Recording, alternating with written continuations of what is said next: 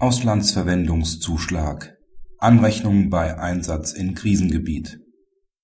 Bei Einsatz eines Soldaten im Krisengebiet überwiegen die damit verbundenen Belastungen und Risiken für Leib und Leben, so dass dem Unterhaltspflichtigen der Auslandsverwendungszuschlag grundsätzlich verbleiben muss. Die kinderlose Ehe des als Berufssoldat tätigen Ehemanns und der als Einzelhandelskauffrau ausgebildeten Ehefrau ist seit 2007 rechtskräftig geschieden der Ehemann klagt auf Abänderung der den Unterhalt regelnden notariellen Urkunde. Er begehrt mit Verweis auf die zu Unrecht erfolgte volle unterhaltsrechtliche Berücksichtigung des Auslandsverwendungszuschlags Feststellung, dass kein Unterhalt geschuldet ist. Das Amtsgericht weist die Klage unter Verurteilung zu abgeänderter Unterhaltszahlung ab. Dagegen wenden sich die Berufungen der Eheleute. Das OLG gibt den Berufungen teilweise statt. Die Bemessung hat ähnlich wie bei Spesen oder Auslösungen, in der Regel mit einem Drittel zu erfolgen.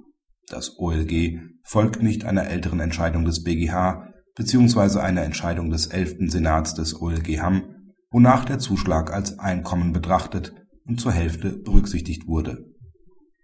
Dieser Rechtsprechung lag jedoch ein Sachverhalt zugrunde, bei welchem der Zuschlag im Rahmen eines Einsatzes an einer deutschen Botschaft bzw. im europäischen Ausland also eines friedlichen Einsatzes, gewährt wurde. Anders muss im Fall eines Einsatzes im Krisengebiet geurteilt werden. Angesichts der Lebensumstände und den damit einhergehenden immateriellen Belastungen und Risiken, denen ein Soldat während eines Einsatzes in einem Krisengebiet ausgesetzt ist, muss der Zuschlag dem Soldaten als eine Art Entschädigung für immaterielle Nachteile verbleiben. Der Aufenthalt in der Kaserne ist jedoch in der Regel mit geringeren eigenen Ausgaben verbunden Aufgrund dieser ersparten Aufwendungen ist die Berücksichtigung als Einkommen jedenfalls zu einem Drittel gerechtfertigt. Ausblick Die Berücksichtigung von Auslandszuschlägen im Unterhaltsrecht wird gerichtlich nicht einheitlich beurteilt.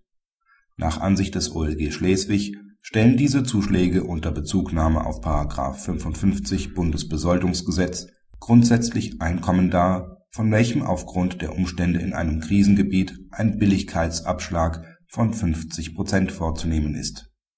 Insgesamt dürfte jedoch bei Einsatz im Krisengebiet kein Ansatz des Zuschlags in voller Höhe erfolgen, entweder aus Billigkeitsgründen oder von vornherein aufgrund eines mit im Fall von Spesen oder Auslösungen vergleichbaren prozentualen Ansatzes.